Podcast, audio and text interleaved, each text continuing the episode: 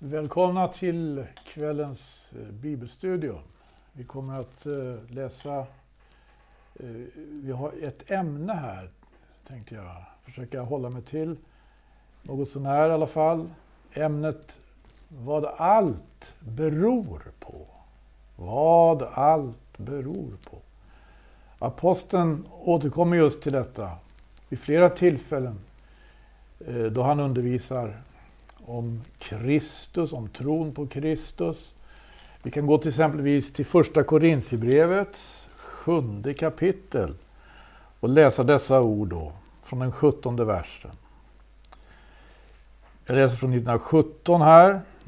Må allenast var och en som vandra, må allenast var och en vandra den väg fram som Herren har bestämt åt honom var och en i den ställning var i Gud har kallat honom. Den ordningen stadgar jag för alla församlingar. Har någon blivit kallad såsom omskuren, så göre han sig icke åter lik det oomskurna. Har någon blivit kallad såsom oomskuren, så låter han icke omskära sig.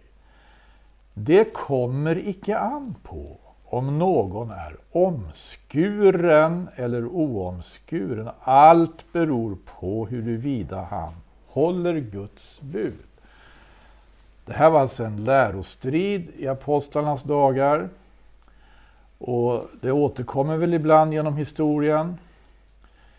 Eh, just frågan om omskärelsen att vara omskuren eller icke omskuren blev en mycket kritisk fråga. Aposteln Paulus var inte heller alltid helt konsekvent. När han var ute bland hedningarna och predikade så, så vände han sig mot seden att omskära. Men eh, när han begav sig till Jerusalem och var bland sina egna landsmän där, då eh, vända sig inte emot den seden. Och för övrigt, det är en mycket eh, intressant vers, just den här 19 versen. Jag läser om den.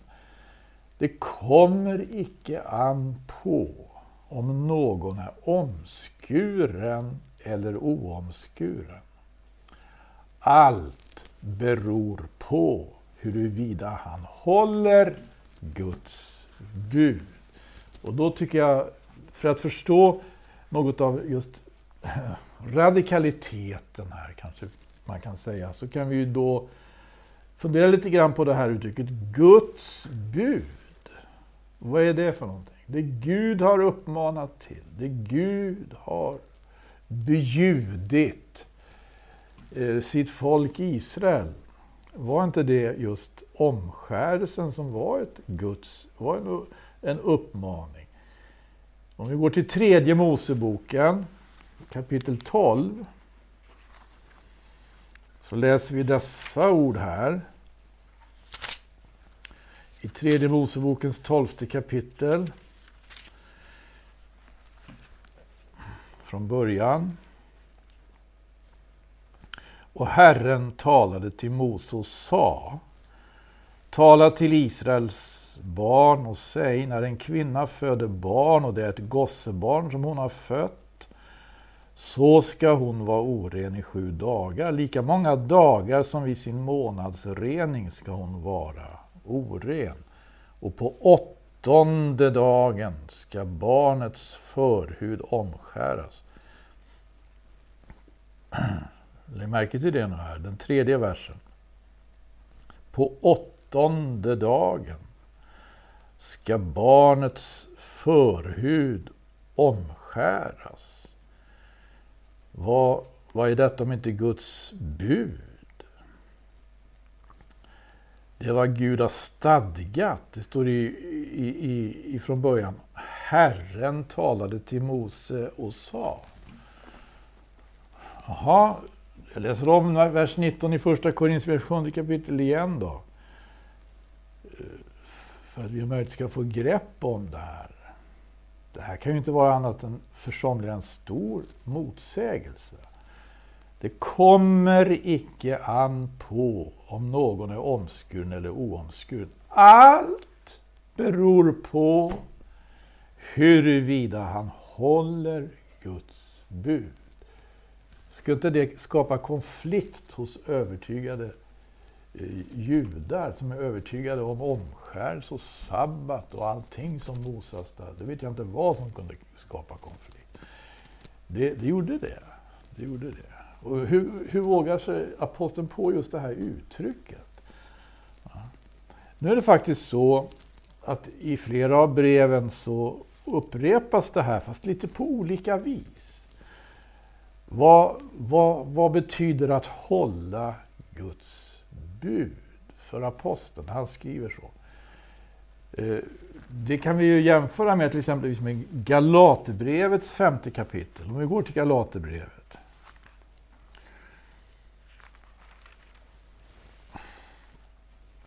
Jag läser några verser i början här. För att vi ska vara fria har Kristus frigjort oss. Stå därför fast och låt icke något nytt träldomsok läggas på er. Se, jag säger er, jag Paulus, att om ni låter omskära er så blir Kristus er till intet gagn. Och för var och en som låter omskära sig betygar jag nu åter att han är pliktig att fullgöra hela lagen. Ni har kommit bort ifrån Kristus, ni som vill bli rättfärdiga i kraft av lagen. Ni har fallit ur nåden. Vi väntar nämligen genom ande av tro den rättfärdighet som är vårt hopp. Ty i Kristus Jesus betyder det intet huruvida någon är omskuren eller oomskuren. Allt beror på. Lägg märke till det, det var ju nästan samma mening här. I första Korinthierbrevet läste vi det kommer icke an på om någon är omskuren eller oomskuren. Och här heter det i Kristus Jesus betyder det intet huruvida någon är omskuren eller oomskuren. Allt beror på. Det är samma uttryck. Allt beror på. Allt beror på, läste vi i Korinthierbrevet. Allt beror på huruvida han håller Guds bud. Och här står det. Allt beror på huruvida han har en tro som är verksam genom kärlek.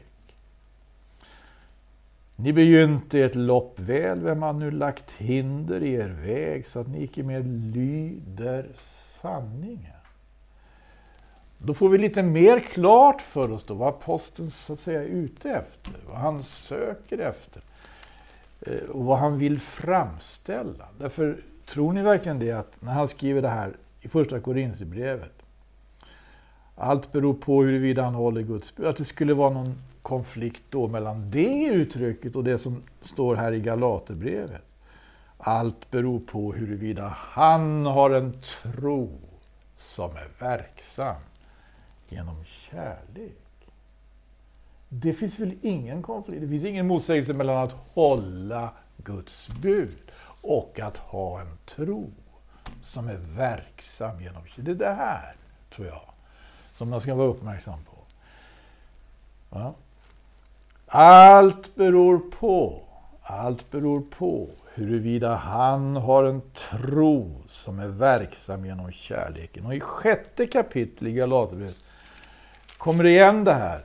Och ännu mer radikalt. För nu läser vi kapitel 6 i Galaterbrevets sjätte kapitel så läser vi där vers 14. Jag läser från 14 versen. Vad mig angår så var det fjärran ifrån mig att berömma mig av något annat än av vår Herres Jesu Kristi kors, genom vilket världen för mig är korsfäst och jag för världen. Ty det kommer icke an på, det kommer icke an på. Det var det här uttrycket i första Korinthierbrevet, det kommer icke an på, här står det, det kommer icke an på om någon är omskuren eller oomskuren. Allt beror på, allt beror på huruvida han är en ny skapelse. Då har vi, tror jag, fått tag i någonting av det här. Det, att hålla Guds bud. Att ha en tro som är verksam genom kärlek. Att vara en ny skapelse. Det är det. Det är det som är precis bara ett och samma, en och samma mening. En och samma mening.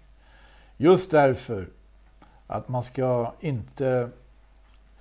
Eh, ja, vi kan faktiskt ta ett exempel till. Men jag lägger märke till hur lika han uttrycker sig just här. I första Korinthierbrevet så hette det Det kommer icke an på om någon är omskuren eller oomskuren. I Galaterbrevets sjätte kapitel så heter det i femtonde versen Det kommer icke an på om någon är omskuren eller oomskuren. Och andra, eh, eh resten av meningen då i Korinthierbrevet Allt beror på huruvida han håller Guds bud. I Galaterbrevets sjätte kapitel Allt beror på huruvida han är en ny skapelse. Just det här tycker jag eh, hjälper oss ju att förstå någonting därför att vi ser ju att det som efterlyses här, det som i själva verket är själva vad som är, vad som är målet här för den här undervisningen. Det, det handlar ju om vad, vad det allt beror på. Jo, han hade redan i vers 14 i Galaterbrevets sjätte kapitel berömt sig av, inget annat heter det här, en av vår Herres Jesu Kristi kors. Genom vilket världen för mig korsfäst och jag för världen. Även i Kolosserbrevet finns den här meningen. Om vi går till Kolosserbrevets tredje kapitel. Liknande i alla fall. Kolosserbrevets tredje kapitel, från den nionde versen. Ni ska icke ljuga på varandra, kan vi ta med då. Ni har ju avklätt er den gamla människan med hennes gärningar och iklätt er den nya, den som förnyas till sann kunskap och så blir en avbild av honom som har skapat henne. Och därvid kommer det icke an på, vad då? Vad är det nu då? Om någon är, om någon är grek eller jude, omskuren eller oomskuren, barbar eller skyt, träd eller fri. Nej, Kristus är allt och i alla. Och i, just i Kolosserbrevet så, så har vi ju en undervisning om dop. Och det är också en undervisning om korset som kan vara värd att så att säga titta på lite grann. Särskilt i, i tidigare kapitlet, alltså i Kolosserbrevet kapitel 2, så vill jag läsa några verser. Jag läser härifrån den elfte versen. Om vad, om vad som har skett eh, genom att vi har tagit emot Herren Jesus Kristus. Och då kanske, kanske jag ska hellre läsa från den sjätte versen i kapitel 2. Den sjätte versen. Det, jag läser en del här. Så står det så här. Så som ni nu har mottagit Kristus Jesus Herren, så vandra i honom. Och var rotade i honom och låt er uppbyggas i honom och befästas i tron i enlighet med den undervisning ni har fått och överflöda i tacksägelse. Se till att ingen får bortföra er såsom ett segerbyte genom sin tomma och bedrägliga vishetslära i det att han åberopar fäderneärvda människomeningar och håller sig till världens makter och icke till Kristus. Till honom bor gudomens hela fullhet lekamligen. Och i honom har ni blivit delaktiga av den fullheten, i honom som är huvudet för alla andevärldens furstar och väldigheter. I honom har ni också blivit omskurna genom en omskärelse som icke skedde med händer. En som bestod där i att ni blev avklädda er kötsliga kropp, jag menar omskärelsen i Kristus. Ni har ju med honom blivit begravna i dopet. Ni har och i dopet blivit uppväckta med honom genom tron på Guds kraft, han som uppväckte honom från de döda. Ja, också er som var döda genom era synder och genom ert kötts oomskurenhet. Också er har han gjort levande med honom, ty han har förlåtit oss alla våra synder. Han har nämligen utplånat den handskrift som genom sina stadgar anklagade oss och låg oss i vägen. Den har han skaffat undan genom att nagla den fast vid korset. Han har avväpnat andevärldens furstar och väldigheter och låtit dem bli till skam inför alla i det att han i honom har triumferat över dem. Låt därför ingen döma er i fråga om mat och dryck. Jag väntar lite med det, för jag tycker vi ska stanna lite vid vers 13-14 här. Också er som var döda genom era synder och genom ert kötts oomskurenhet. Tillståndet innan vi får möta Kristus, innan vi får höra evangelium och verkligen hör. Vara död i synder och genom sitt kötts oomskurenhet. Här räknas alltså det att man är omskuren till ens nackdel verkligen då. Så länge man är död i synder och överträdelser. Också er, heter det, har han gjort levande med honom. För han har förlåtit oss alla våra synder. Han har nämligen utplånat vad då? Han har utraderat, utplånat den gamla människan. Ja, men han koncentrerar sig inte på det här. Han skriver den handskrift som genom sina stadgar anklagade oss och låg oss i vägen. Den har han skaffat undan genom att nagla den fast vid korset. Här, finns alltså, här ser vi en förklaring till att han kan vara så radikal. Att han, uh, när han predikar evangelium, och han predikar frälsningen som kommer från judarna. Jesus sa själv det, när han talar med kvinnan vid Sykarsbrunnen. Frälsningen kommer från judarna. Att han till galaterna, han vänder sig till galaterna eh, med det budskapet att om ni låter omskära er. De här människorna har kommit till tro på Jesus och de har faktiskt också sam, samtidigt fått eh, den, den judiska tåran i sina händer. Därför det evangelium är, det är, det är ett budskap med stöd av Tora, med stöd av gamla förbundets skrifter. Och, men då, då, då kan man ju förvillas och tro, om några väldigt gärna vill betona, det här står ju det här, ni ska låta omskära er. Men aposteln Paulus skriver till galaterna, eh, då blir Kristus er till inte ett gang. Kristus blir till, han, Kristus har alltså kommit med något nytt. Det skär rätt genom hela det gamla förbundet. Eh, som, eh, som en riktig, som en eld. Därför att eh, det gamla förbundet har, har alltså eh, varit ägnat åt, har haft sin tid. Jesus säger så här, när han talar så säger han, lagen och profeterna har haft sin tid. Ja. Intill Johannes. Vem var Johannes? Johannes var ju den profet som kom för att bana vägen för Kristus. För att bana vägen för Messias.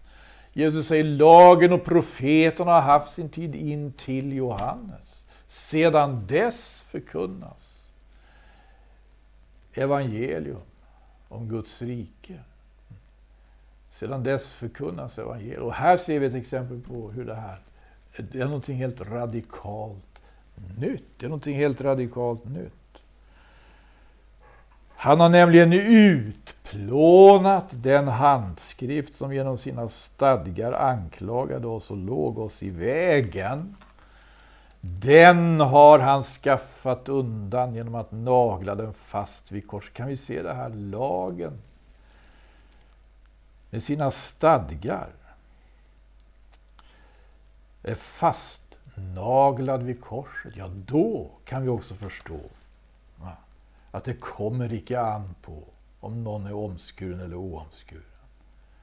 Allt beror på huruvida han håller Guds bud. Men uttrycket håller Guds bud, det kan alltså belysas med ytterligare några citat. Att ha en tro som är verksam genom kärlek. Att vara en ny skapelse. Ja. Den handskrift som genom sina stadgar anklagade oss och låg oss i vägen, den har han skaffat undan genom att nagla den fast vid korset. Han har avväpnat furstarna och väldigheterna och låtit dem bli till skam inför alla i det att han i honom har triumferat över dem. Det här är korset. Det här är det verk som Gud utfört på korset genom sin son Jesus Kristus. Det här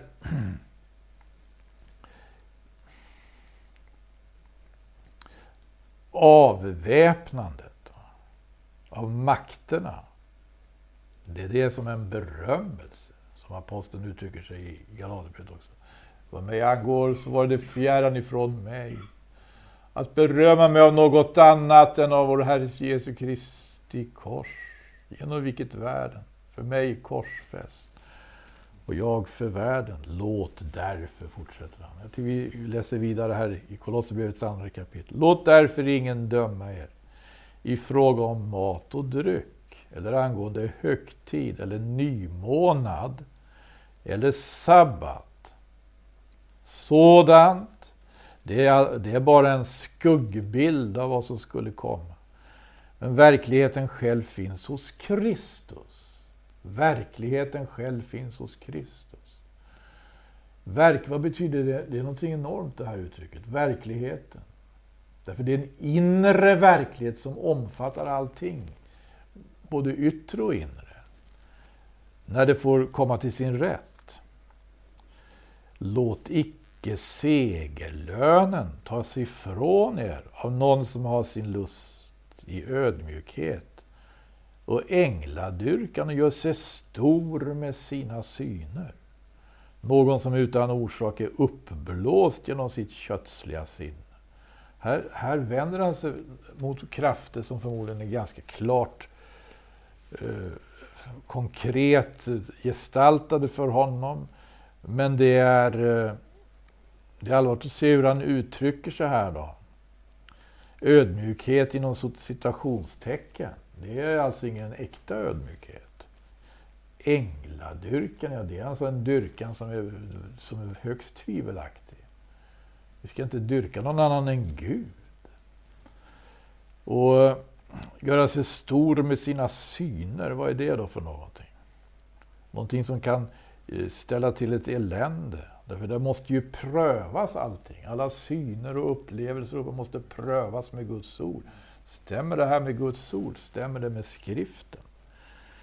Uppblåsthet kan väl aldrig vara någonting att, att liksom rekommendera eller berömma. Ja. Nej, aposteln han verkar här för uppbyggelse, inte för uppblåsning.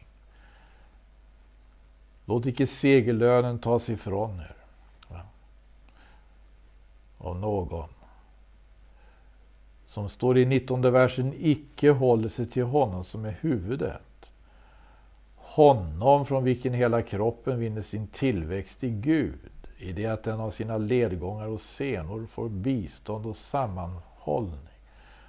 Och så kommer det några meningar här som jag tycker, jag vet inte, det heter så här då i 20 versen. Om ni nu har dött med Kristus och så blivit frigjorda ifrån världens makter eller grundelement. Varför låter ni då allehanda stadgar läggas på er liksom levde ni ännu i världen? Här, här anmärker man på någonting. Alltså, människor älskar ibland att verkligen lägga stadgar och komma med regler och föreskriva varandra så väldigt mycket. Men det gäller att se upp här. Ja. Alla handa stadgar läggas på er. Vad kan det vara för någonting? Det ska du inte ta i. Det ska du inte smaka. Det ska du inte komma vid. Och detta när det gäller ting som alla är bestämda till att gå under genom förbrukning, allt till åtlydnad av människobud och människoläror. Det här behöver ju inte nödvändigtvis vara några, några yttre ting som man liksom har... Eh, jag tänker så allvarligt det här är, därför att det är ju det handlar ju om alltså att Kristus, aposteln vill jag, tar det här uttrycket igen i Galaterbrevet. Kristus har ju kommit för att uppsöka och frälsa det som var förlorat. Och han säger ju i, till lärjungarna, Människosonen, säger han har ju kommit icke för att låta tjäna sig, utan för att tjäna. Ja. Utan för att tjäna och ge sitt liv till lösen. När det här kommer liksom eh, att hamna på något vis i bakgrunden eller inte riktigt kommer fram som det ska, då, då, då blir det då blir aposteln bekymrad. Och I det här fallet, han uttrycker sig som så alltså. Att eh, Kristus blir till intet gagn. Om man går på någonting av det här. Det, det är en typ av resonemang till exempel som också eh, kan uttrycka sig så som i Kolosserbrevet, det ska du inte ta i, det ska du inte smaka, det ska du inte komma vid. Om, om, vi, om vi går in i det här verkligen och ser så Det finns ju en psalm i Saltaren som särskilt, eller det finns ju flera psalmer som är ägnade åt just korset talar profetiskt om Jesu Kristi kors, om Jesus Kristus själv. En av de psalmerna är ju den 22 psalmen. Vi kan ju se där att det finns ju en eh,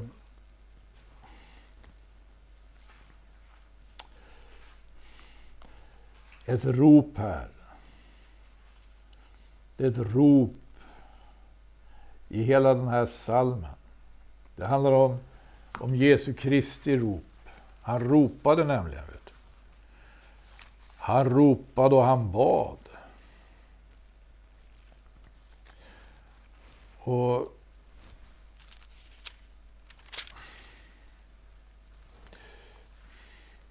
Så står det i femte kapitlet i Hebreerbrevet. Med starkt rop och tårar frambar han under sitt kötts dagar böner och åkalla till den som kunde frälsa honom från döden. Och han blev bönhörd och tagen ur sin ångest. Starkt rop, det finns just i den 22 salmen. Det är ju den psalm som inleds med just det här ropet.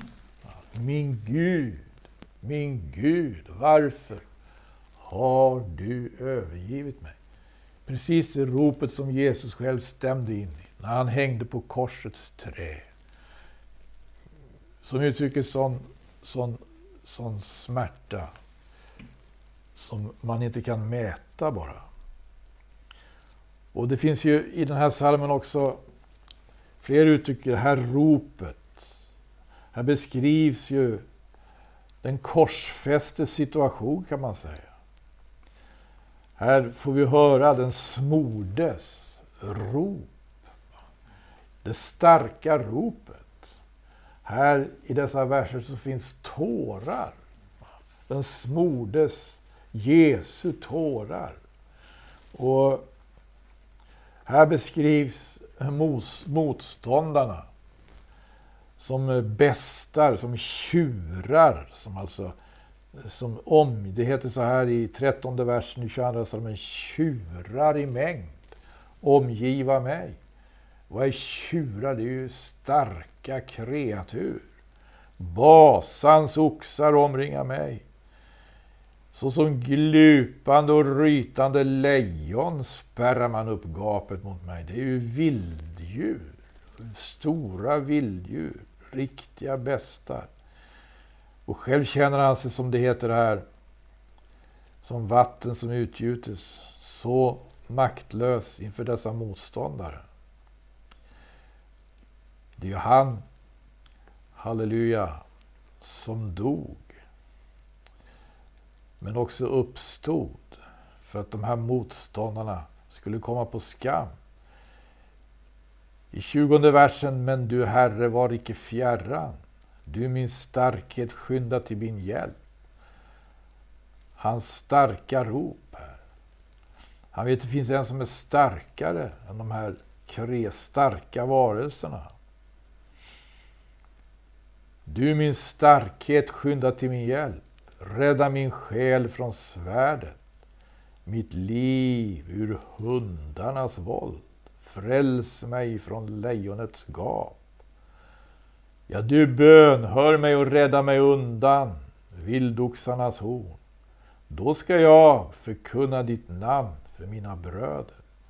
Mitt i församlingen ska jag prisa dig. När Jesus uppstod från de döda så var det som låg på hans hjärta, det var att han skulle få förkunna Guds namn för bröderna. Skulle få förkunna Guds namn för bröderna. Och det var också det här namnet som missionsverket sedan skulle komma att utföras. Och det missionsverket, det eh, det beskrivs ju också profetiskt på ett väldigt intressant sätt i den 118 salmen. Den 118 salmen.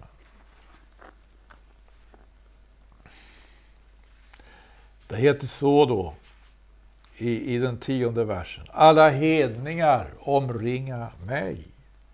Men i Herrens namn ska jag förgöra det. Det omringar mig, ja det omringar mig. Men i Herrens namn ska jag förgöra det. Det omringar mig såsom bin, men det slocknar såsom eld i törne.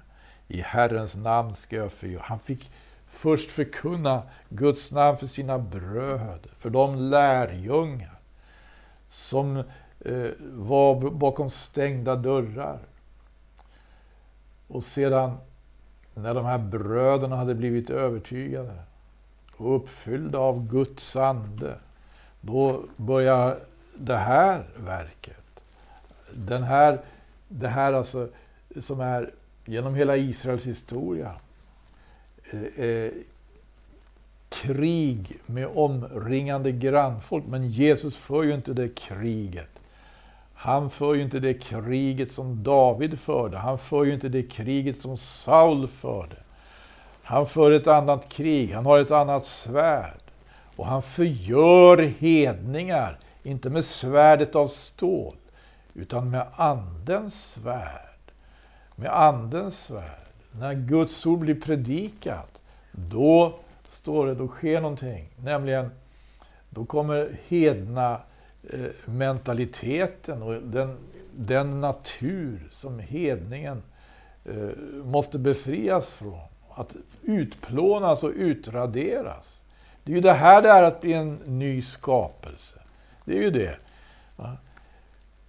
Alla hedningar omringar mig, men i Herrens namn ska jag förgöra det. Det omringar mig och det omringar mig, men i Herrens namn ska jag förgöra det. Har vi glömt att Kristus och hans tjänare, de för ju en strid. När vi sluter upp, när vi sluter upp här till eh, och tar del i det här så får vi också föra en strid, får föra en strid.